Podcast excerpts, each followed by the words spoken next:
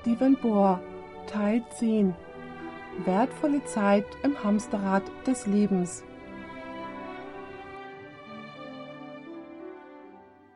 Lasst uns beten. Unser Vater im Himmel, wenn wir nun dieses sehr wichtige Studium über dein heiliges Wort beginnen, bitten wir dich, uns Erkenntnis zu geben. Aber nicht nur Erkenntnis, sondern auch, dass du uns die Bereitschaft gibst, deiner Stimme zuzuhören und das in die Tat umzusetzen, was wir in deinem heiligen Wort gelernt haben. Wir bitten um die Führung deines heiligen Geistes, und wir bitten dich um ein gehorsames, zartes Herz. Wir danken dir, Herr, dass du unser Gebet erhörst. Denn wir bitten dies im Namen Jesu. Amen. Ich möchte unser Studium im Buch 2. Mose beginnen. Dies ist das vierte Gebot von Gottes Gesetz. Das Gesetz, das Gott mit seinem eigenen Finger in Stein geschrieben hat. Eigentlich hat er es mit Feuerflammen geschrieben, wie es in der Schrift heißt. Es heißt also hier in 2. Mose 20, Verse 8 bis 11. Gedenke des Sabbattags, dass du ihn heiligest. Sechs Tage sollst du arbeiten und alle deine Dinge beschicken. Aber am siebten Tage ist der Sabbat des Herrn, deines Gottes. Da sollst du kein Werk tun, noch dein Sohn, noch deine Tochter, noch dein Knecht, noch deine Magd, noch dein Vieh, noch dein Fremdling, der in deinen Toren ist. Und nun kommt der Grund, warum Gott dieses Gebot gegeben hat. Vers 11. Denn in sechs Tagen hat der Herr Himmel und Erde gemacht und das Meer und alles, was darinnen ist, und ruhte am siebenten Tag. Darum segnete der Herr den Sabbattag und heiligte ihn. Das bedeutet, er weihte ihn, er machte ihn heilig. Nun gibt es zwei Dinge, von denen ich möchte, dass wir sie beachten, wenn wir unser Studium beginnen. Zuerst einmal ist der Grund, warum dieses Gebot befolgt werden soll, die Schöpfung. Es heißt hier, dass Gott uns dieses Gebot gegeben hat, weil er Himmel, Erde und das Meer und alles, was darinnen ist, in sechs Tagen erschaffen und am siebten Tag geruht hat. So ist dieses Gebot eigentlich eine Anordnung, die von der Schöpfung herkommt. Das Zweite, was ich möchte, dass wir beachten, was diesen Vers betrifft, ist, dass er uns deutlich sagt, dass er drei Dinge mit dem Sabbat getan hat. Zuerst einmal wird uns gesagt, dass er geruht hat. Und ich möchte, dass ihr euch an diese Worte erinnert. Er ruhte. Zweitens hat er den Sabbat gesegnet. Und drittens sehen wir, dass Gott ihn geheiligt oder geweiht hat. Somit gibt es drei Begriffe Ruhe, Segen und Heiligung. Und diese verweisen uns zurück auf die Schöpfung. Nun, wenn dieses Gebot uns auf die Schöpfung zurückweist, was meint ihr, wo ein guter Ort wäre, um herauszufinden, warum Gott dieses Gebot gegeben hat? Ich denke, es wäre eine gute Idee, zum Buch 1. Mose zurückzugehen, weil dort nämlich die Schöpfung beschrieben ist. Dieses Gebot schickt uns zurück zum Anfang. Lasst uns dorthin gehen. Es gibt ein paar Verse, auf die ich mich beziehen möchte. Der erste Vers steht in 1. Mose 1, Vers 1. Am Anfang schuf Gott Himmel und Erde. Hier sind drei Begriffe. Am Anfang schuf Gott Himmel und Erde. Und jetzt gehen wir weiter zu Johannes 1, Verse 1 bis 3, um herauszufinden, wer der Schöpfer war. Es heißt hier ganz deutlich Im Anfang. Seht, das ist der gleiche Ausdruck. Im Anfang war das Wort, und das Wort war bei Gott, und Gott war das Wort. Dasselbe war im Anfang bei Gott. Und dann erzählt uns Vers 3, dass alles von ihm gemacht worden ist. Alle Dinge sind durch dasselbe gemacht, und ohne dasselbe ist nichts gemacht, was gemacht ist. Wenn wir nun 1. Mose 1, Vers 1 mit Johannes 1, Verse 1 bis 3 vergleichen, gibt es keinen Zweifel, wie auch immer, dass der Schöpfer von 1. Mose niemand anderes als wer war? Er war niemand anderes als Jesus Christus.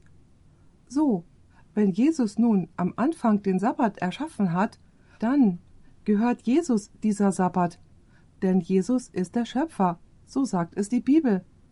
Lasst uns nun zu 1. Mose 1 zurückgehen und herausfinden, in was für einem Zustand die Erde eigentlich war, bevor Jesus sein Schöpfungswerk begonnen hatte. 1. Mose 1, Verse 1 und 2. Am Anfang schuf Gott Himmel und Erde. Das ist Jesus, wie wir gerade von Johannes 1 gesehen haben. Am Anfang schuf Gott Himmel und Erde. Und nun kommt der Vers, den ich unterstreichen möchte. Und die Erde war wüst und leer. Wie viele Probleme hatte die Erde? Zwei. Und die Erde war wüst und leer. Und es war finster auf der Tiefe, und der Geist Gottes schwebte auf dem Wasser. Nun habt ihr gesehen, dass dieser Planet, bevor Jesus Ordnung hineinbrachte, bevor er sein Schöpfungswerk in den sechs Tagen begonnen hat, dass die Erde wüst und leer war. Nun, was bedeutet das? Mir gefällt die Übersetzung in Spanisch besser, weil sie näher an dem dran ist, was der ursprüngliche Ausdruck bedeutet. Auf Spanisch heißt es desordenada y vacía. Was bedeutet desordenada? Einige von euch können Spanisch. Was heißt es? Es bedeutet in einem unordentlichen, ungeordneten Zustand. Was bedeutet Vassia? Es bedeutet leer. Mit anderen Worten, es gab da zwei Probleme mit dem Planeten. Er war in einem ungeordneten Zustand und er war leer.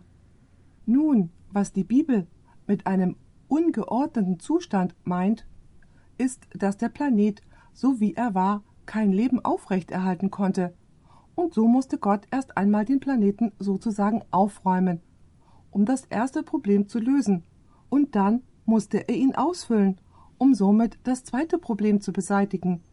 Und es ist interessant, wenn wir die Geschichte der Schöpfung untersuchen, dass Jesus in den ersten drei Schöpfungstagen den Planeten erst einmal aufgeräumt hat. Und in den letzten drei Schöpfungstagen hat er den Planeten mit Leben gefüllt. Nun, Habt ihr jemals bemerkt, dass es in der Schöpfungsgeschichte eine Steigerung gab? Zuerst einmal hat Gott die unbelebten Dinge erschaffen. Er erschuf das Licht und das Firmament und das trockene Land. All dies ist ohne Leben und ohne Bewusstsein. Dann fuhr er damit fort, dass er die Sonne, den Mond und die Sterne gemacht hat.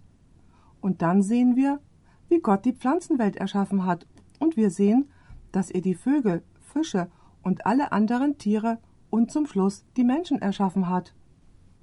Jesus hat also in den ersten drei Tagen der Schöpfung die Erde für die lebenden Wesen vorbereitet, mit denen er sie in den nächsten drei Tagen füllen wollte. Nun lasst uns wiederholen, was Jesus in der Schöpfungswoche getan hat. Am ersten Tag hat Jesus gesagt, es werde Licht, und es ward Licht. Am zweiten Tag sagte er, es werde eine Feste zwischen den Wassern. Und er sprach, und die Feste erscheint. Und im Übrigen, das ist die Lage Sauerstoff. Kann irgendein lebendiges Wesen ohne Licht überleben? Nein. Kann es ohne Sauerstoff überleben? Natürlich nicht, und Gott weiß das.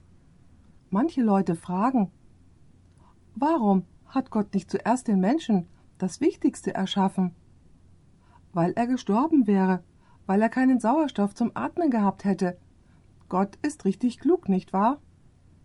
In den ersten drei Tagen hat er den Planeten gestaltet, damit er seine Pläne anschließend erfüllen konnte.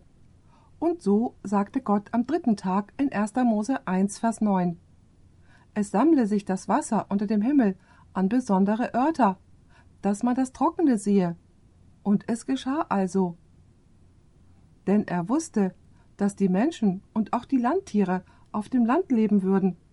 Er wollte, dass auf der Erde Bäume und Pflanzen sein sollten, und so hat er dafür gesorgt, dass das Land erscheinen würde. Und so hat er dann die Pflanzenwelt erschaffen. Und am Ende des dritten Tages schaute er sich an, was er gemacht hatte, und sagte Es ist gut. Am vierten Tag hat er den Himmel mit den Himmelskörpern gefüllt, mit der Sonne, dem Mond und den Sternen. Und am Ende des vierten Tages schaute er sich an, was er gemacht hatte, und sagte, es ist gut. Und dann kam der fünfte Tag. Das Wasser war noch leer, und am Tage war der Himmel leer. Man konnte keinen Vogelgesang hören. Und so sagte Jesus am fünften Tag. Es errege sich das Wasser mit webenden und lebendigen Tieren, und Gevögel fliege auf Erden unter der Feste des Himmels. Und plötzlich füllte sich das Wasser mit allerlei Fischen und Meerestieren, ebenso wurde plötzlich die Luft mit Vögeln erfüllt, die ihre Lieder gesungen haben. Doch da gab es noch niemanden, für den sie ihr Lied singen konnten, aber Gott hat daran gearbeitet. Nun schaute Gott, das heißt Jesus schaute sich an, was er gemacht hatte, und er sah, dass es gut war. Dann kam der sechste Tag. Wusstet ihr, dass Jesus am sechsten Tag mehr als an allen anderen Tagen gearbeitet hat? Nun möchte ich wiederholen, was am sechsten Schöpfungstag vor sich gegangen ist. Zuerst einmal, wenn ihr die Geschichte in 1. Mose 2 lest, werdet ihr sehen, dass hier ein paar Dinge von Kapitel 1 ausführlicher beschrieben werden, die dort nicht beschrieben sind. Ganz besonders, wie Mann und Frau erschaffen wurden. Dort werden auch ein paar Punkte bezüglich des Baumes der Erkenntnis von Gut und Böse näher aufgeführt. Nun, als erstes hatte Jesus am sechsten Tag die Landtiere gemacht. Das findet ihr in 1. Mose 1, Vers 25. Und Gott machte die Tiere auf Erden, ein jegliches nach seiner Art, und das Vieh nach seiner Art, und allerlei Gewürm auf Erden nach seiner Art. Und Gott sah, dass es gut war. Dann hat er den Menschen gemacht. Vers 26 und 27. Und Gott sprach, Lasst uns Menschen machen, ein Bild, das uns gleich sei. Und Gott schuf den Menschen ihm zum Bilde, zum Bilde Gottes schuf er ihn und schuf sie einen Mann und ein Weib. Habt ihr jemals bemerkt, als er den Menschen machte, er ihn nicht einfach ins Dasein gesprochen hat, wie alles andere, das er erschuf? Er hat ihm eine persönliche Note verliehen, er hat ihn angefasst. Und so heißt es dann in 1. Mose 1, Vers 7. Und Gott der Herr machte den Menschen aus einem Erdenkloß und blies ihm ein, den lebendigen Odem in seine Nase, und also ward der Mensch eine lebendige Seele. Nun möchte ich euch was fragen. Meint ihr, als Jesus Adam erschaffen hat und Adam plötzlich aufwacht, wenn wir diesen Ausdruck nehmen können, und er plötzlich Bewusstsein hatte, dass Adam irgendwie überrascht war? Denn es gab ihn nicht, und plötzlich war er da. Meint ihr, Adam hat sich vielleicht gefragt, woher komme ich? Was mache ich hier? Wohin gehe ich? Er muss wohl viele Fragen gehabt haben. Adam ist überrascht, aber Gott erklärt Adam in diesem Moment die Quelle seines Daseins nicht.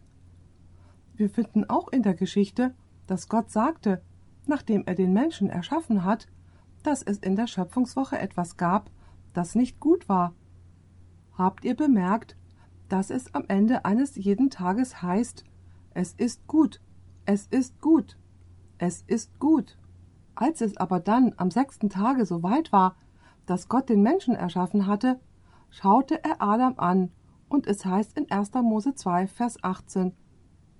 Und Gott der Herr sprach, Es ist nicht gut, dass der Mensch allein sei. Ich will ihm eine Gehilfin machen, die um ihn sei. Die Bibel erzählt uns, dass Jesus dem Adam erst einmal gesagt hat, dass er jedem Tier, das erschaffen worden ist, einen Namen geben sollte, und das ging nicht in fünf Minuten. Das nimmt den größten Teil des Tages in Anspruch. Es gab einen Grund dafür, warum Adam den Tieren Namen geben sollte. So hat er ihnen nun Namen gegeben, und dabei sah er, dass jedes von ihnen eine Gefährtin hatte, nur er nicht. Gott wollte, dass er sich alleine fühlen und sich in seiner Einsamkeit nach einer Gefährtin sehen würde, wie auch die Tiere jeweils eine hatten. Und dann heißt es in der Bibel, dass es für Adam nicht gut war, allein zu sein, und somit gab es die erste Vollnarkose und erste Operation in der menschlichen Geschichte. So heißt es in 1. Mose 2, Verse 21 und 22. Da ließ Gott der Herr einen tiefen Schlaf fallen auf den Menschen, und er schlief ein. Und er nahm seiner Rippen eine und schloss die Stätte zu mit Fleisch. Und Gott der Herr baute ein Weib aus der Rippe, die er vom Menschen nahm, und brachte sie zu ihm. Adam hatte geschlafen und hat nicht mitbekommen, was vor sich gegangen ist, und dann wacht er von der Narkose auf und sieht, wie Jesus mit Eva an seiner Seite daherkommt. Die Bibel sagt ja, dass Gott Eva zu Adam gebracht hat. Ihr seht, man geht nicht los, um nach einem Gefährten zu jagen. Gott bringt sie oder ihn zu einem. Wenn ihr losgeht, um danach zu jagen, dann werdet ihr vielleicht in Schwierigkeiten geraten. Und so bringt Jesus Eva zu Adam. Ich kann mir nur leicht vorstellen, was Adam wohl gesagt haben muss. Vielleicht sagte er Wow, woher kommst du denn? Du bist wunderschön, du bist genauso wie ich. Du gehst aufrecht und du kannst dich mit mir unterhalten, du kannst sprechen. Übrigens, habt ihr in dieser ganzen Schöpfungsgeschichte bemerkt, dass Adam kein einziges Mal gesehen hat, wie Gott etwas erschuf? Das ist erstaunlich. Sogar als er Eva erschaffen hat, hat er Adam vorher einschlafen lassen. Mit anderen Worten, den einzigen Beweis, wenn man so sagen kann, dass Adam und Eva Gott zu ihrem Schöpfer hatten, war was? Die Tatsache, dass Gott ihnen gesagt hatte, dass er ihr Schöpfer war. Sie hatten keinen wissenschaftlichen, keinen erfahrungsgemäßen, geschichtlichen oder überhaupt einen Beweis dafür. Den einzigen Beweis, wenn man so sagen kann, dass Jesus ihr Schöpfer war, war die Tatsache, dass es so war. Sie mussten es im Glauben annehmen. Sie mussten Gottes Wort vertrauen. Übrigens wusstet ihr, dass sich der ganze Konflikt in der menschlichen Geschichte um Gottes Wort dreht? Wir haben das in unserem letzten Vortrag studiert. Und so kann man alles auf Gottes Wort zusammenschrumpfen. Was also der Teufel in 1. Mose 3 versucht zu machen, ist, dass er das Vertrauen von Adam und Eva in Gottes Wort erschüttern will. Und wir haben die fünf Methoden betrachtet, die er anwendet. Die erste Methode Zeichen und Wunder. Wisst ihr, Zeichen und Wunder anzunehmen, statt dessen, was Gott gesagt hat. Die zweite Methode des Teufels ist, das Wort Gottes zu verändern. Er sagt zu Eva in 1. Mose 3, Vers 1: Ja, sollte Gott gesagt haben, ihr sollt nicht essen von den Früchten der Bäume im Garten? Um Eva dazu zu bekommen, um Gottes Wort zu übertreiben. So sagt sie in Vers 3: Gott hat gesagt, esst nicht davon, rührt es auch nicht an, dass ihr nicht sterbet. Und später sehen wir, dass der Teufel tatsächlich Gottes Wort richtig zitiert, aber einen bestimmten Teil ausgelassen hat, wie es zum Beispiel im Psalm 91 der Fall war. Wenn man also einen Teil auslässt, dann kann es einen ganz und gar falschen Eindruck hinterlassen. Und dann sehen wir natürlich, dass der Teufel Adam und Eva dazu verleitet, ihren eigenen Sinnen, ihrem Scharfsinn zu folgen. Und er benutzte Eva dazu, Adam zu verführen. So wendet der Teufel fünf Methoden an, um Gottes Volk dahin zu verleiten, Gottes klarem, ausdrücklichem, einfachem Wort ungehorsam zu sein. Adam und Eva sollten Jesus als ihren Schöpfer annehmen, weil er ihnen gesagt hatte, dass er ihr Schöpfer war. Nun, es hätte ja auch schließlich eine andere Erklärung dafür geben können, oder? Hätten sie nicht durch einen großen Urknall ins Dasein gerufen werden können? Vielleicht. Oder etwa durch unwillkürliche Entstehung? Vielleicht. Und der Teufel wollte, dass Eva das glauben sollte. Er sagte, Oh, diese Geschichte, dass Gott euer Schöpfer ist, und wenn ihr von dem Baum esst, dass ihr sterben werdet. Nee, nee. Glaubst du das wirklich? Du vertraust darauf? Nicht allen Ernstes, oder? Wisst ihr, Gott weiß, wenn ihr von dem Baum esst, dass ihr genauso sein werdet wie er. Ihr werdet dann andere Götter sein, die es gibt, und Gott will keine anderen Götter um sich haben. Er will der einzige Gott sein, und so schüchtert er euch ein, indem er euch glauben lässt, dass wenn ihr esst, dass ihr sterben werdet. Ihr werdet nicht sterben, ihr werdet so sein wie er. Aber Gott will keine Rivalen haben. Könnt ihr sehen, um was es in dieser Verführung wirklich geht? Es ist viel ernster, als was viele Menschen denken. Erinnert ihr euch an die drei Dinge, die in 2. Mose 20 erwähnt werden? Das vierte Gebot im Gesetz Gottes. Die drei Gedanken. Was hat Gott mit dem Sabbat getan? Was hat er gemacht? Er hat geruht und er hat ihn gesegnet. Und drittens hat er ihn geweiht oder heilig gemacht. Nun, ist der Sabbat in 1. Mose der gleiche Sabbat wie in 2. Mose? Was meint ihr? Lasst uns dazu 1. Mose 2, Verse 2 und 3 anschauen. Es heißt hier: Und also vollendete Gott am siebten Tag seine Werke, die er machte, und ruhte am siebenten Tage von allen seinen Werken, die er machte. Und Gott segnete den siebenten Tag und heiligte ihn, darum, dass er an demselben geruht hatte von allen seinen Werken, die Gott schuf und machte. Frage. Hat Jesus genau die drei Dinge getan, die im vierten Gebot des Gesetzes Gottes erwähnt sind? Hat er geruht? Hat er ihn gesegnet? Ja. Hat er ihn geweiht oder heilig gemacht? Ja. Bezieht sich das vierte Gebot auf den gleichen Sabbat, der am Anfang gemacht worden ist? So ist es. Darüber gibt es keinen Zweifel. Der Sabbat ist eine Einrichtung der Schöpfung. Frage. Meint ihr, dass Gott den Sabbat für sich selber gesegnet hat? Hört, meine Lieben, Gott ist die Quelle aller Segnungen. Warum sollte er einen Tag für sich selber segnen? Er hat diesen Tag nicht mit einem Segen für sich selber durchdrängt, sondern für andere. So hat Gott nun den siebenten Tag Sabbat gesegnet. Es heißt in der Schrift, dass alles, was Gott segnet, für andere ist, niemals für sich selber. So hat Gott nun den siebenten Tag Sabbat gesegnet. Er hat diesen Tag mit Leben, Gesundheit und Wohlstand durchtränkt. Denn jedes Mal, wenn ihr das Wort segnen in der Schrift findet, dann hat es mit Leben, Überfluss und mit Wohlstand, also mit allem, was gut ist, zu tun musste Gott einen Tag für sich selber heiligen? Er sagte, Okay, ich werde einen Tag heiligen, der für mich ist.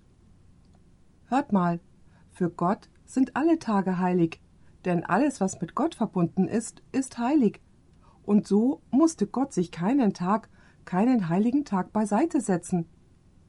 Brauchte Gott wirklich Ruhe? Tatsache ist, wie wir gleich sehen werden, dass Gott keine Ruhe brauchte, Jesus brauchte keine Ruhe. Ich meine, wie viel Ruhe braucht man, nachdem man gesagt hat, es werde Licht. Es werde eine Feste zwischen den Wassern. Es sammle sich das Wasser, dass man das Trockene sehe. Es lasse die Erde aufgehen, Gras und Kraut und fruchtbare Bäume. Es werden Lichter an der Feste des Himmels. Es errege sich das Wasser mit webenden und lebendigen Tieren und Vögel sollen fliegen auf Erden und unter der Feste des Himmels. Die Erde bringe hervor lebendige Tiere. Na ja, hat Gott am Ende der Schöpfungswoche gesagt. Wow, hab ich viel gearbeitet. Ich brauche Urlaub. Ruhte Gott, weil er müde war? Ganz und gar nicht. Dann stellt sich also die Frage, warum hat er geruht? Wir kommen gleich darauf, aber vorher möchte ich noch etwas erwähnen, das äußerst wichtig ist. Wusstet ihr, dass die Schöpfungsgeschichte erzählt, dass Jesus sein Werk eigentlich zweimal beendete? Nun möchte ich euch was fragen. Wie kann man seine Arbeit zweimal beenden? Lasst uns dazu 1. Mose 1, Vers 31 lesen. Es gibt hier eine ganz klare Abstufung. 1. Mose 1, Vers 31 und dann werden wir in Kapitel 2 weiterlesen. Es heißt hier: Und Gott sah alles an, was er gemacht hatte, und siehe da, es war sehr gut. Da ward aus Abend und Morgen der sechste Tag. Also ward vollendet Himmel und Erde mit ihrem ganzen Heer. Wann war er fertig? Es heißt, da ward aus Abend und Morgen der sechste Tag. Also ward vollendet Himmel und Erde mit ihrem ganzen Heer. Laut dieses Verses hat er am sechsten Tag alles abgeschlossen. Aber dann lesen wir den nächsten Vers und es scheint ein Widerspruch zu sein. Es heißt in Vers 2: Und also vollendete Gott am siebenten Tag seine Werke, die er machte, und ruhte am siebenten Tage von allen seinen Werken, die er machte. Moment mal. War er nun am sechsten Tag oder am siebten Tag fertig? Vielleicht hat Mose vergessen, was er in 1. Mose 1, Vers 31 geschrieben hatte und sagt, Oh, äh, entschuldige mich, es war nicht der sechste Tag, an dem er fertig war, es war der siebte Tag. Nein, es ist eigentlich etwas anderes, was hier vor sich geht. Lasst mich das erklären. Ich hatte das Vorrecht, viereinhalb Jahre in New Mexico zu arbeiten. Ganz New Mexico war mein Gebiet und der Westen von Texas. Ich wohnte in Amarillo, Texas, und eines der Orte, die ich so gerne besuchte, war Taos, New Mexico. War jemand von euch schon mal in Taos, New Mexico? Es ist eine wunderschöne Landschaft dort, besonders im Winter. Sie ist so schön durch die Berge. Aber nun, etwas, was Taos hat, das wahrscheinlich andere Orte auch haben, aber das mich so beeindruckt hat, ist die riesige Anzahl der Kunstgalerien. Es gibt dort so viele Künstler. Viele sind Ureinwohner Nordamerikas. Und wisst ihr, man kann dort an ihren Stand gehen und man kann zusehen, wie sie diese Kunstwerke malen. Als ich dort war, hatte ich das Vorrecht, eine Vortragsreihe über drei Wochen zu halten, und in der Tat war es über ersten Mose. Das war vor vielen Jahren. Und ich habe so viel Freude an diesen Kunstgalerien gehabt und diesen Künstlern bei der Arbeit zuzuschauen. Wisst ihr, was sie getan haben? Nun, was sie als allererstes machten, war, einen Holzrahmen zu nehmen, und dann haben sie dort drauf ein Stück Leinwand festgetackert. Dann wurde sichergestellt, dass sie schön und straff war, und dann wurde sie auf eine Staffelei getan. Und nun werde ich die Geschichte zur Veranschaulichung ein bisschen ausschmücken. Der Maler setzte sich dann hin und hat ein paar Farben auf die Leinwand gepinselt. Und nachdem er dann seinen ersten Arbeitstag hinter sich hatte, hat er sich die Leinwand angesehen und gesagt Hm, das sieht gut aus. Und am zweiten Tag kam er wieder und fügte hier und dort noch ein paar mehr Farben dazu, vielleicht ein paar mehr Wolken am Himmel. Und nachdem diese Tagesarbeit getan war, schaute er sich das Gemälde an und sagte Hm, es schaut gut aus. Dann kommt der dritte Tag, und er fügte noch ein paar Hügel und Berge dazu, ein paar Bäume, Büsche und Blumen. Und am Ende des dritten Tages würde er sich das Bild anschauen und sagen Schaut gut aus. Und dann hat er sich am vierten Tag hingesetzt und die Sonne und den Himmel gemalt und noch ein paar Wolken und weitere Farben und am vierten Tag hat er sein Werk betrachtet und gesagt Es schaut gut aus. Am fünften Tag, da hat er Fische gemalt, die im Wasser des Sees herumschwammen. Dann hat er noch Vögel gemalt, die durch die Lüfte flogen. Und am Ende des fünften Tages lehnte er sich zurück und sagte Es schaut richtig gut aus. Dann, am sechsten Tag, setzte er sich vor die Staffelei und malte noch ein paar Giraffen dazu und auch Elefanten und so mancherlei andere Tiere. Dazu kamen dann zum Schluss noch ein Mann und eine Frau, die sich an diesem schönen Anblick erfreuten. Und dann hat er der Leinwand seinen letzten Schliff gegeben und sie sich angeschaut und gesagt Es schaut sehr gut aus. Nun möchte ich euch was fragen. War dieses Kunstwerk fertig? Ich hatte ja gesagt, er war fertig. Aber war das Kunstwerk fertig? Ja und nein. Das Kunstwerk selber war fertig. Was aber fehlte bei alledem noch? Die Unterschrift des Malers dieses Kunstwerkes. Denn ohne dass man es kennzeichnet, kann jeder daherkommen und behaupten, er hätte es gemalt. Aber Tatsache war, dass das Bild selber fertig war. Das Kunstwerk war fertiggestellt. Aber dann hat der Künstler den Pinsel genommen und er hat seinen Namen unter das Gemälde gesetzt. Und dann erst war das Werk vollendet. Wenn wir dies nun auf die Schöpfung beziehen, dann können wir verstehen, wie Jesus sein Werk zweimal beendet hat. Am sechsten Tag hat er also sein Kunstwerk beendet. Und übrigens war dieses Kunstwerk kein starres Werk, das man anschaut und immer das gleiche ist. Es war ein lebendes Bild. Es war ein Bild, das sich jeden Moment verändert. Er hat diese wunderschöne Welt gemacht, dieses herrliche Kunstwerk. Aber Jesus wusste, dass es notwendig war, den Schöpfer dieses Meisterwerks zu kennzeichnen. Und das ist der Grund dafür, warum Jesus den Sabbat erschaffen hat. Der Sabbat kennzeichnet den Schöpfer. Der Sabbat ist die Unterschrift Jesu auf seinem Schöpfungswerk. Er erzählt uns davon, wer all diese Dinge gemacht hat. Versteht ihr, was ich sage? Nun hatte ich erwähnt, dass Gott nicht müde gewesen ist, als er die Schöpfungswoche abgeschlossen hatte. Lasst uns jetzt zu Jesaja 40, Vers 28 gehen.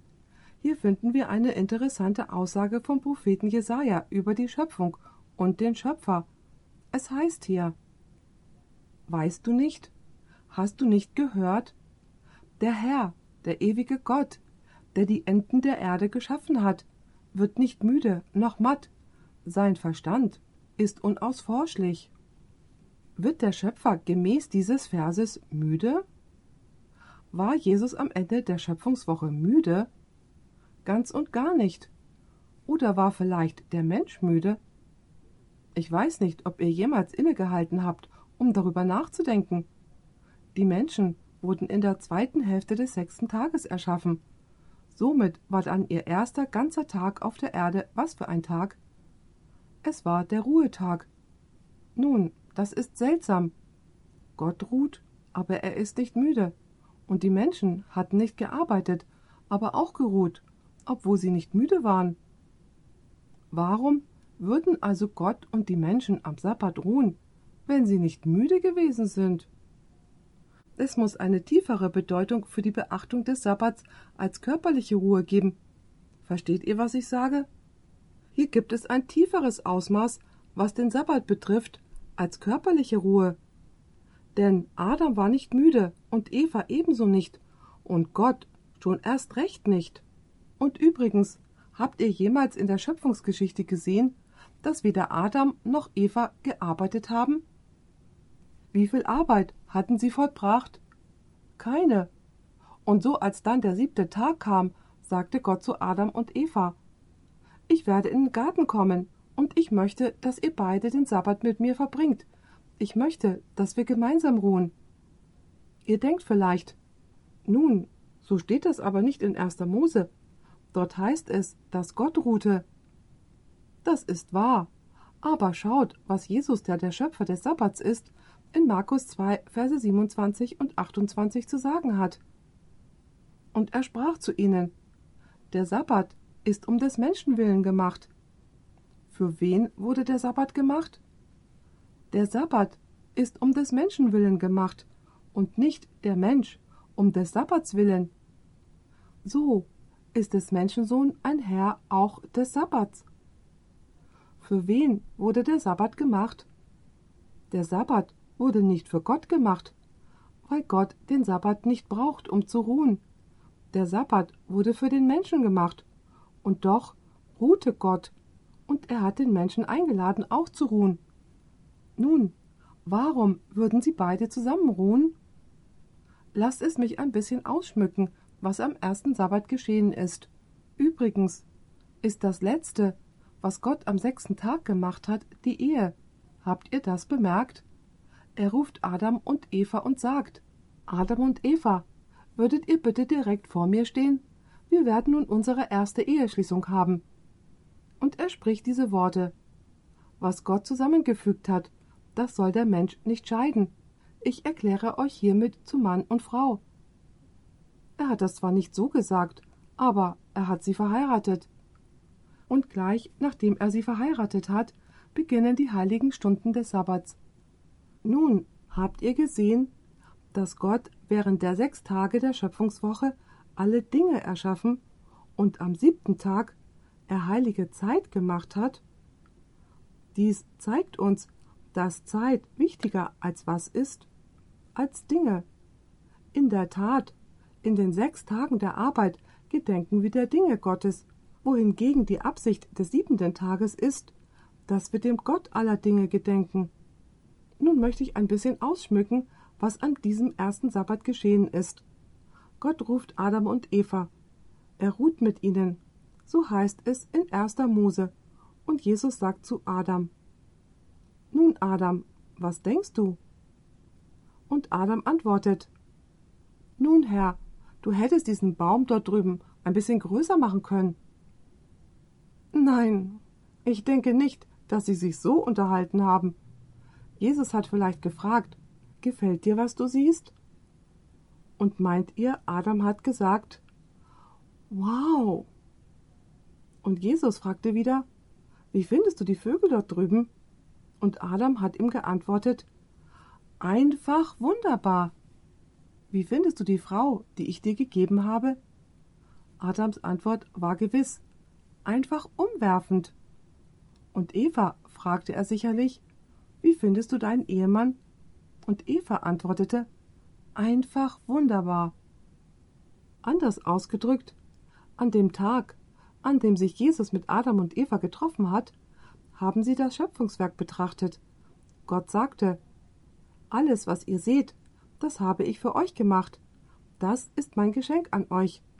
Aber ihr könntet vergessen, woher das alles gekommen ist, und deswegen möchte ich, dass ihr eure Arbeit und Unternehmen an jedem siebten Tag unterbrecht, und für ganze 24 Stunden komme ich in den Garten, und wir werden das betrachten, was ich für euch gemacht habe.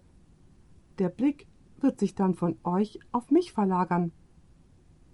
Übrigens, habt ihr gemerkt, dass Gott Adam zum König der Schöpfung gemacht hat? Die Bibel sagt in 1. Mose 1, Vers 26 und 28, dass Adam und Eva über alles herrschen sollten. Aber indem er den siebten Tag geschaffen hat, sagt Gott damit zu ihnen, Ihr seid die Herren über die Schöpfung, aber der siebte Tag soll euch zeigen, dass ich der Herr bin, der euch gemacht hat. Ihr seid meine Geschöpfe.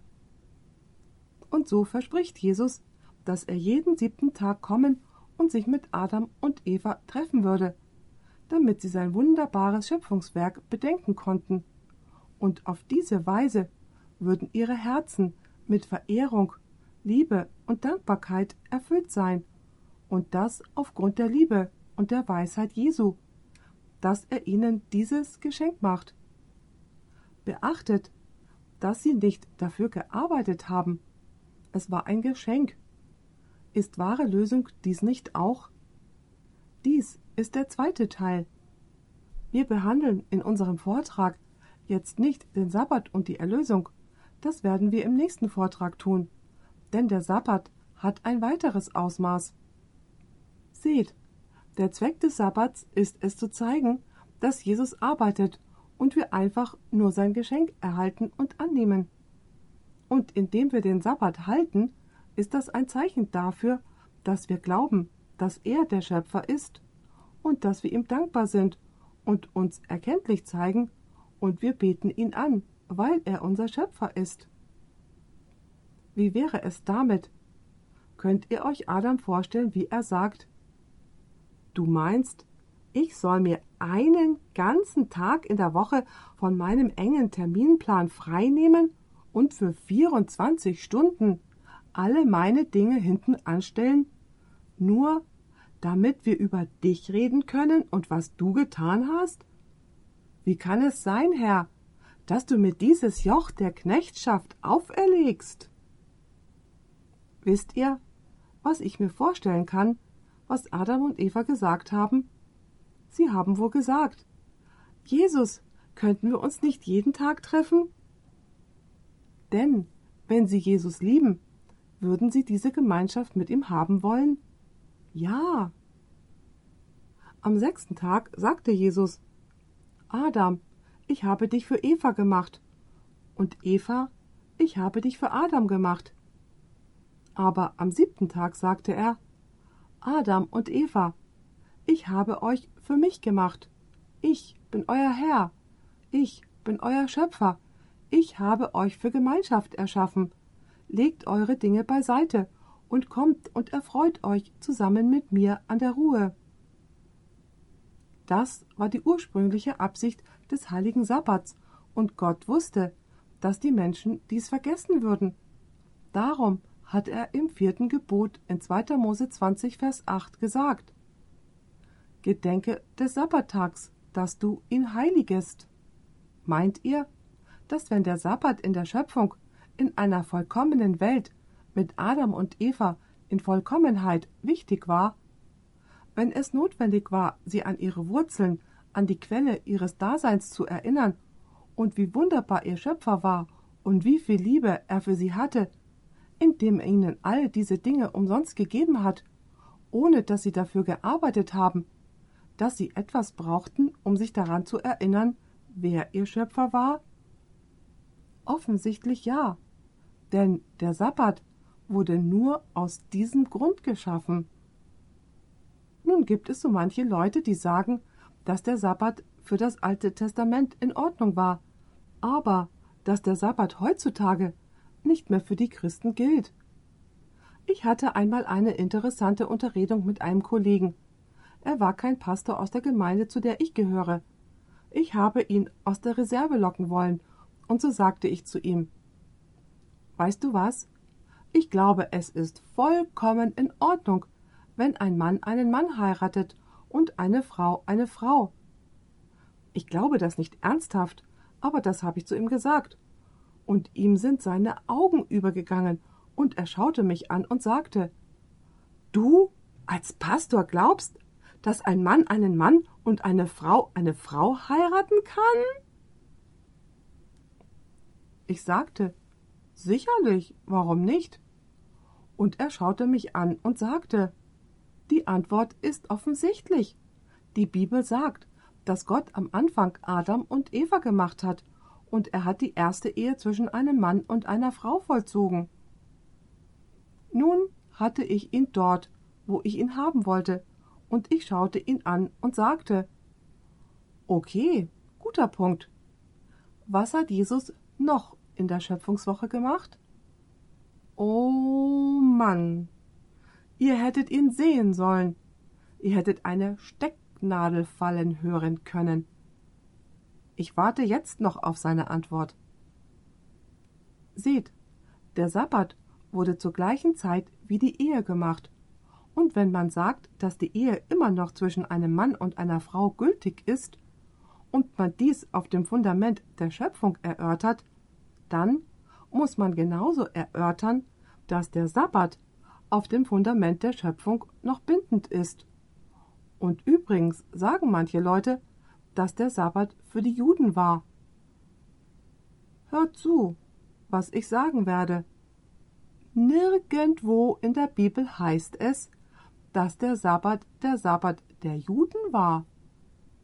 Ferner war Adam kein Jude, denn der Name Jude kommt von Juda, einer der Söhne Jakobs, über 2000 Jahre später.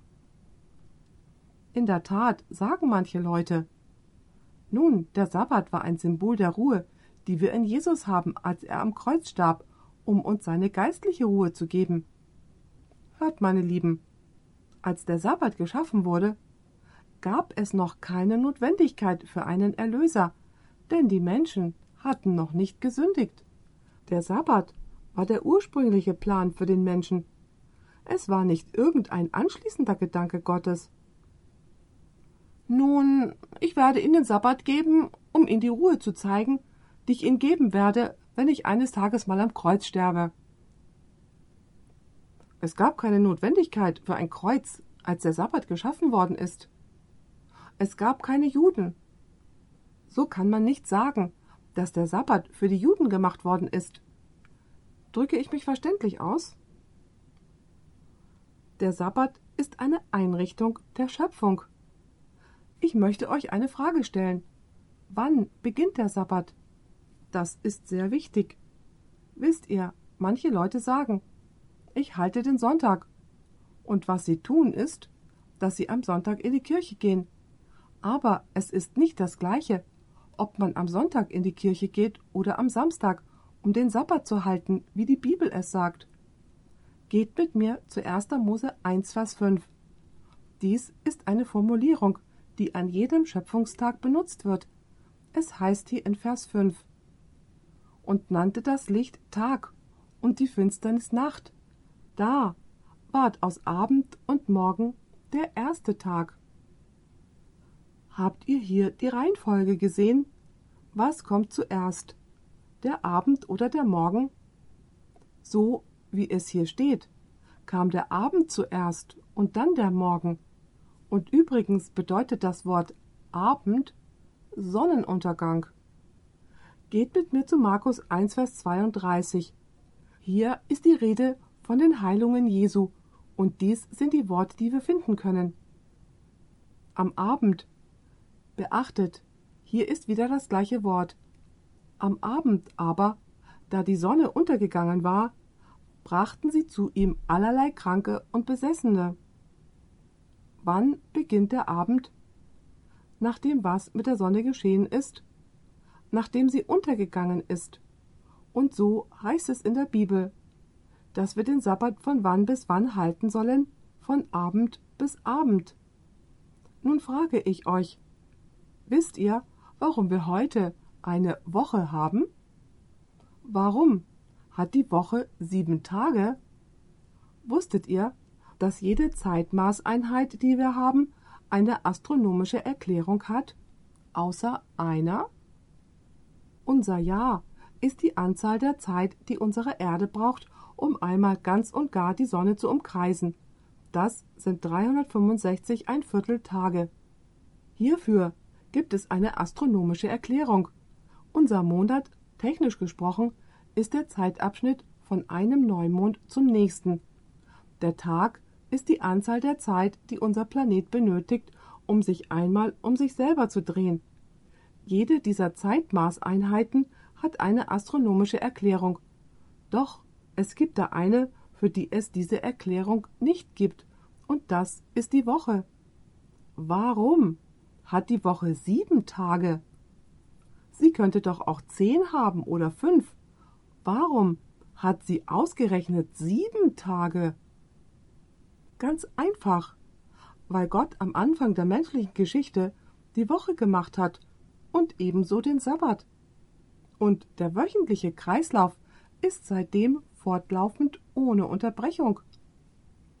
Übrigens wusstet ihr, dass es so manche Leute gibt, die sagen, nun, das ist ja okay, aber wir wissen nicht, ob der Sabbat heutzutage der gleiche Sabbat ist, den es damals gab. Wir wissen nicht, ob der wöchentliche Kreislauf unterbrochen worden ist. Von der Bibel her kann man zeigen, dass der wöchentliche Kreislauf nicht unterbrochen worden ist. Übrigens, Christen haben kein Problem damit zu sagen, dass der Sonntag, den sie halten, der Sonntag ist, an dem Jesus auferstanden ist. Es ist nur der Sabbat, den die Adventisten halten, der nicht der gleiche Sabbat ist. Aber der Sonntag, den sie halten, ist der gleiche wie der Sonntag der Auferstehung. Beides geht aber nicht. Wenn der Sonntag, der heutzutage angeblich in Verehrung des gleichen Sonntags der Auferstehung Jesu gehalten wird, dann ist der Tag vor dem Sonntag, der Sabbat, also auch der gleiche Sabbat. Versteht ihr, was ich sage? Und wenn der Sabbat von heute der gleiche Sabbat ist, wie er es in den Tagen Christi war und Jesus diesen Sabbat gehalten hat, wie wir es in Lukas 4, Vers 16 finden, dass es Jesu Gewohnheit war, in die Synagoge zu gehen, um den Sabbat zu halten, dann ist er für uns heute noch genauso gültig. Lukas 4, Vers 16. Es heißt hier, er kam nach Nazareth, wo er erzogen worden war, und ging nach seiner Gewohnheit am Sabbattag in die Synagoge und stand auf, um vorzulesen. Nun hört gut zu, was ich sagen werde. wenn Jesus den gleichen Sabbat gehalten hat, den wir heute halten, welcher astronomisch und geschichtlich wahr ist und was Christen sogar anerkennen, denn sie halten den Sonntag in Verehrung der Auferstehung Jesu, wenn das wahr ist, dann müssen wir daraus schlussfolgern, dass der Sabbat, den Jesus gehalten hat, der gleiche Sabbat der Schöpfung ist. Denn meint ihr, dass Jesus den falschen Sabbat gehalten hat? Da er doch der Schöpfer des Sabbats war und es sein Tag ist. Versteht ihr meinen Punkt? Wenn der Sabbat Christi der gleiche Sabbat von heute ist und Jesus ihn gehalten hat und Jesus den Sabbat geschaffen hat, dann muss es der gleiche Sabbat sein, den er am Anfang gemacht hat. Denn der Schöpfer würde nicht den falschen Tag halten. In der Tat, wenn ihr Lukas 23, Vers 54 bis Kapitel 24, Vers 1 lest, dann findet ihr die Abfolge der Tage. Es heißt hier sehr deutlich, dass Jesus am Vorbereitungstag starb, am Tag vor dem Sabbat. Lukas 23, Vers 54 bis 24, Vers 1. Es heißt hier: Und es war Rüsttag, und der Sabbat brach an. Es folgten aber auch die Frauen nach, die mit ihm aus Galiläa gekommen waren, und sahen sich das Grab an und wie sein Leib hineingelegt wurde. Dann kehrten sie zurück und bereiteten wohlriechende Gewürze und Salben. Am Sabbat aber ruhten sie nach dem Gesetz. Am ersten Tag der Woche aber kamen sie am frühen Morgen zum Grab und brachten die wohlriechenden Gewürze, die sie bereitet hatten, und noch etliche mit ihnen. So ist hier nun die Abfolge. Freitag sein Tod, übrigens, die Christen nennen den Tag Karfreitag. Ist es nicht interessant, wie der Sabbat während der sogenannten Heiligen Woche verloren geht? Es ist hier die Rede vom Palmsonntag. Und unter den Spanischsprechenden ist der Heilige Donnerstag ganz besonders wichtig. Er heißt Jueves Santo. Und das ist ein sehr wichtiger Tag. Und dann kommt der Kreuzigungsfreitag und der Auferstehungssonntag. Hat irgendjemand den Sabbat erwähnt? Er geht in dem ganzen Treiben unter. Denn es gibt ja da jemanden, der nicht will, dass wir uns an den Schöpfer erinnern. Wer könnte das sein? Es ist Satan. So findet ihr nun, dass die Abfolge der Tage die gleiche ist. Übrigens habt ihr bemerkt, dass es in dem vierten Gebot und in 1. Mose nicht heißt, dass ein Tag von sieben gehalten werden soll. Jeder Tag ist der Sabbat. Haltet Gottesdienst an jedem siebten Tag. Denn manche Christen sagen, ja, ich halte Gottesdienst an jedem siebten Tag. Das ist aber nicht das, was die Bibel sagt. Die Bibel sagt, dass der Sabbat der siebte Tag ist, der gleiche siebte Tag der Schöpfung. Den gleichen siebten Tag, den Jesus gehalten hat, ist der gleiche siebte Tag auch noch heute. Und dies ist der Tag, an dem Jesus möchte, dass wir alle unsere Aktivitäten beiseite legen und wir nicht an unsere Geschäfte oder unsere Arbeit unsere Vorhaben und unsere Freizeit denken. Er sagt, vergesst die Dinge, die ich gemacht habe. Nun werden wir uns auf unsere Beziehung zueinander besinnen. Wertvolle Zeit im Hamsterrad des Lebens. Wie steht es damit? Ist es ein Segen? Braucht ihr eine Unterbrechung? Ich ja. Eigentlich arbeite ich mehr am Sabbat als an irgendeinem anderen Tag. Aber es ist eine ganz andere Art von Arbeit. Die Priester haben die zweifachen Opfer am Sabbat dargebracht. Aber es war für sie eine Freude. Es ist für mich eine Freude, meine ganze Gemeindefamilie zusammen zu haben, und ich freue mich an der Gemeinschaft in der Gemeinde und dem Programm und dem gemeinsamen Gottesdienst. Es ist einfach schön. Nun, wusstet ihr, dass der Sabbat der einzige Tag in der Bibel ist, der als heilig erklärt worden ist? Übrigens, manche Leute sagen, dass alle Tage heilig sind, Ich halte alle Tage. Die Bibel sagt nirgends, dass man alle Tage halten soll. Sechs Tage soll man arbeiten, und den siebten Tag, der der Sabbat ist, den sollen wir heilig halten. Hört, wenn alle Tage heilig wären, dann hätte Gott den Sabbat nicht als heilig absondern können. Denn um einen Tag als heilig absondern zu können, müssen die restlichen Tage normale, gewöhnliche Tage sein. Ergreift ihr hier meinen Punkt? Um einen heiligen Tag abzusondern, bedeutet dies also, dass die anderen nicht heilig sind. Ein Beispiel. Stellt euch vor, ich hätte hier ein Geschichtsbuch, das wir im College benutzt haben, und ich habe ebenso meine Bibel. Sind sie verschieden? Ja. Haben beide Papier? Haben sie beide einen Buchrücken? Haben sie beide einen Namen? Ja. Sie sind beide genau gleich, richtig? Nein. Was unterscheidet die beiden Bücher voneinander? Das eine ist Gottes heiliges Wort. Wie steht es da mit dem Zehnten? Ich lege einen Dollarschein in die Gabensammlung und ich habe einen Dollarschein in meiner Tasche. Sind sie beide gleich? Haben sie nicht beide George Washington drauf? Ja, das ist so. Aber sind sie das gleiche? Nein, denn der eine Schein ist gewöhnlich und der andere ist was? Der andere ist heilig. Oder wir haben hier dieses Gebäude und es gibt andere Gebäude. Es gibt die Stadthalle. Ist dieses Gebäude ein anderes als die Stadthalle? Das ist es ganz bestimmt. Denn dieses Gebäude hier ist was? Es wurde beiseite gesetzt für heiligen Gebrauch. Und so sind sechs Tage gewöhnlich, und ein Tag, den Jesus beiseite gesetzt hat, ist heilig. Der siebte Tag, wie es in der Schrift heißt. Manche Leute sagen, nun wurde er nicht verändert. Aber warum sollte Gott ihn verändern? Warum sollte Jesus ihn verändern? Nirgendwo in der Bibel kann man finden, dass es heißt, dass der Tag verändert worden ist. Nirgendwo kann man finden, wie Jesus sagt, Nun, meine Lieben, jetzt brauchen wir den Sabbat nicht mehr zu halten, weil ich auferstanden bin. Wir fangen nun an, den Sonntag zu halten. Es gibt dafür kein, so spricht der Herr. Es gibt kein Gebot, so wie die Bibel uns gebietet, den siebten Tag Sabbat zu halten.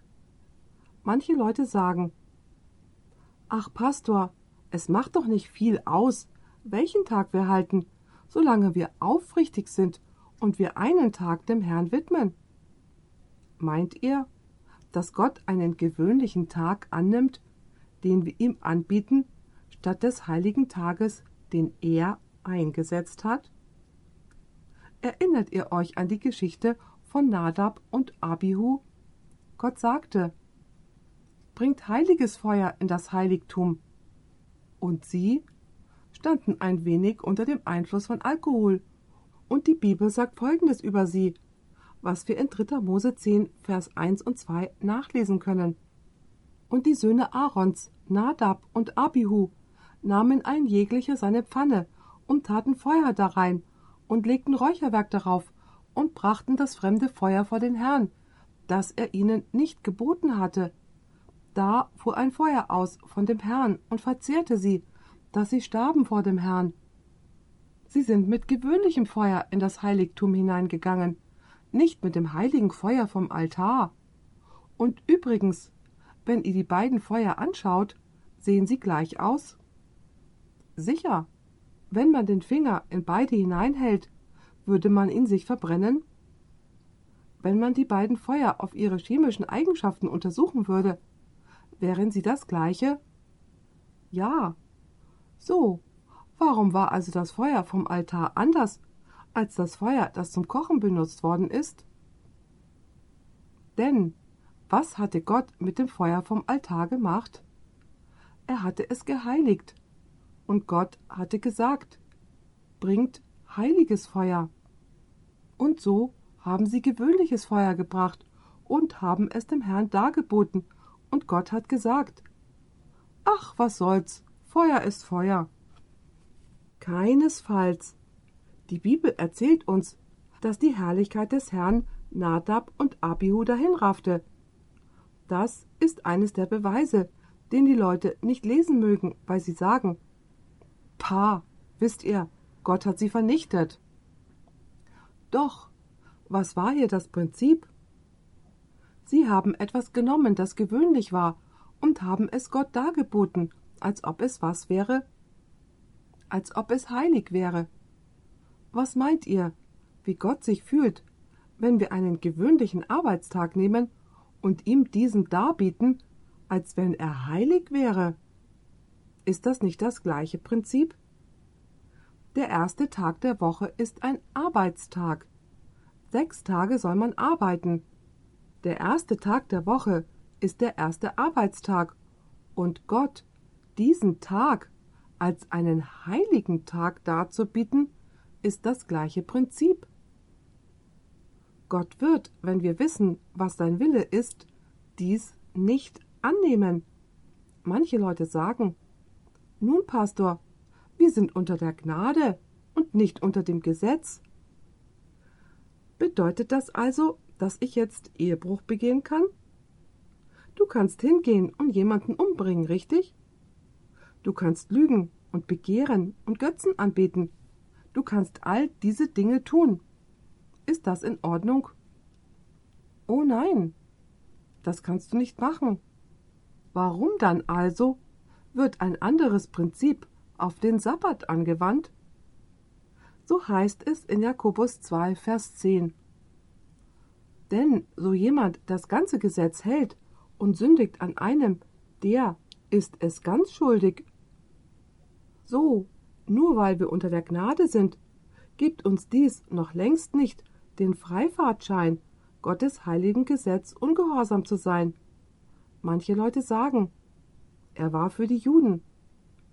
Nicht ein einziges Mal spricht die Bibel vom Sabbat als den Sabbat der Juden. Als der Sabbat eingesetzt worden ist, gab es noch gar keine Juden. Aber ist nicht der Sonntag des Herrn Tag? Nein, ist er nicht. 23 Mal in der Schrift wird uns gesagt, dass der Tag des Herrn der Sabbat ist. Zum Beispiel 3. Mose 23, Vers 3. Sechs Tage sollst du arbeiten. Der siebte Tag aber ist der große heilige Sabbat, da ihr zusammenkommt. Keine Arbeit sollt ihr an dem tun, denn es ist der Sabbat des Herrn in allen euren Wohnungen. 5. Mose 5, Vers 14. Aber am siebten Tage ist der Sabbat des Herrn, deines Gottes. Oder Matthäus 12, Vers 8 des Menschen Sohn ist der Herr auch über den Sabbat. Nicht ein einziges Mal stellt die Bibel den ersten Tag der Woche als einen Tag der Ruhe dar. Manche Leute sagen, nun, Jesus hat den Sabbat gebrochen. Wir werden diese Anschuldigungen im nächsten Vortrag behandeln. Hört zu, wenn Jesus den Sabbat gebrochen hätte und der Sabbat eines der zehn Gebote ist, dann ist Jesus ein Sünder gewesen, und dann bräuchte er einen Erlöser. Versteht ihr, was ich sage? Dies hätte schwerwiegende Folgen nach sich gezogen. Und übrigens, wenn Jesus den Sabbat gebrochen hätte, dann hätten die Pharisäer recht gehabt. Wollt ihr die Seite der Pharisäer einnehmen? Beschuldigt ihr Jesus der Sünde? Jesus hat den biblischen Sabbat nicht gebrochen. Er hat den Sabbat der Pharisäer gebrochen, was nicht der gleiche Sabbat ist. Denn die Pharisäer haben ihn zu einem Joch der Knechtschaft gemacht. Es war ein Tag der Beeinträchtigungen, Regeln und Vorschriften, die das Volk so elend und trostlos werden ließen. Die ursprüngliche Absicht, sich den ganzen Tag in Gottes Gegenwart zu sonnen und eine Ruhepause von unseren Dingen einzulegen und nur in Gott zu ruhen und sich an dem zu erfreuen, was er gemacht und gegeben hat, das war verloren gegangen. Die Freude wurde zu einem Tag der Trübsal und der Knechtschaft. Und Jesus kam, um den Sabbat von dieser Knechtschaft zu befreien. Einige Menschen sagen, dass der Sabbat jenseits jeglicher Wiederinstandsetzung war, so ist Gott ihn losgeworden. Nun, Tatsache ist, dass die Ehe in dem gleichen Zustand war. So denke ich, müssen wir uns auch der Ehe entledigen. Jesus hat das Thema angesprochen und sagte zu ihnen, dass sie sich aus irgendeinem kühlen Grund einfach scheiden lassen würden. So heißt es in Matthäus 19, Vers 8. Er sprach zu ihnen, Mose hat euch erlaubt zu scheiden von euren Weibern, wegen eures Herzens Härtigkeit. Von Anbeginn aber ist es nicht also gewesen. So, wenn man das nun auf den Sabbat anwendet, muss man es auch auf die Ehe anwenden. Wir können uns nicht das, was uns gefällt, herauspicken. Manche Leute fragen, aber Pastor, wie kann denn die Mehrheit falsch liegen? Nun, zeigt mir doch einmal in der Geschichte, wo die Mehrheit richtig lag. In den Tagen Noahs, wie viele lagen da richtig? Acht Menschen. Die Bibel sagt, nur einer und die anderen sind mitgezogen worden. Meine Frage an euch, in den Tagen Daniels, stand er da alleine? Ja, er stand alleine. Was war mit Sadrach, Meschach und Abednego, als sich die Massen im Tal Dura versammelten? Standen sie alleine da? Ja, das taten sie. Und wie steht es mit Elia? Stand er alleine? Ja, natürlich. Stand Jesus alleine? Er fühlte sogar, dass sein Vater ihn verlassen hatte. In Matthäus 27, Vers 46 heißt es, dass er ausrief: Mein Gott, mein Gott, warum hast du mich verlassen? Tatsache ist, meine Lieben, dass die Mehrheit niemals richtig lag, denn die Mehrheit, und das gilt als allgemeine Regel, will ihr Leben nicht in Harmonie mit dem bringen, was Gott lehrt.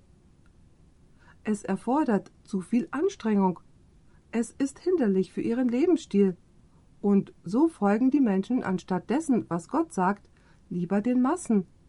Sie folgen dem Gruppenzwang, sie vertrauen ihren religiösen Führern. Meine Lieben, wir können unseren religiösen Führern nicht einfach blindlings vertrauen. Ich sage damit nicht, dass wir unsere Pastoren und Prediger nicht respektieren sollen. Was ich damit sage ist, wir sollen ihnen nicht blindlings folgen. Wir sollen das, was sie lehren, mit dem vergleichen, was das heilige Wort Gottes sagt. Und wir sollten dem Wort folgen, denn wir können dem Wort immer vertrauen. Manche Christen sagen, nun, wir haben Zeichen und Wunder. Glaubt dem nicht. Einige Pastoren reißen das Wort aus dem Zusammenhang, wenn sie es zitieren. Seid vorsichtig und prüft es für euch selber.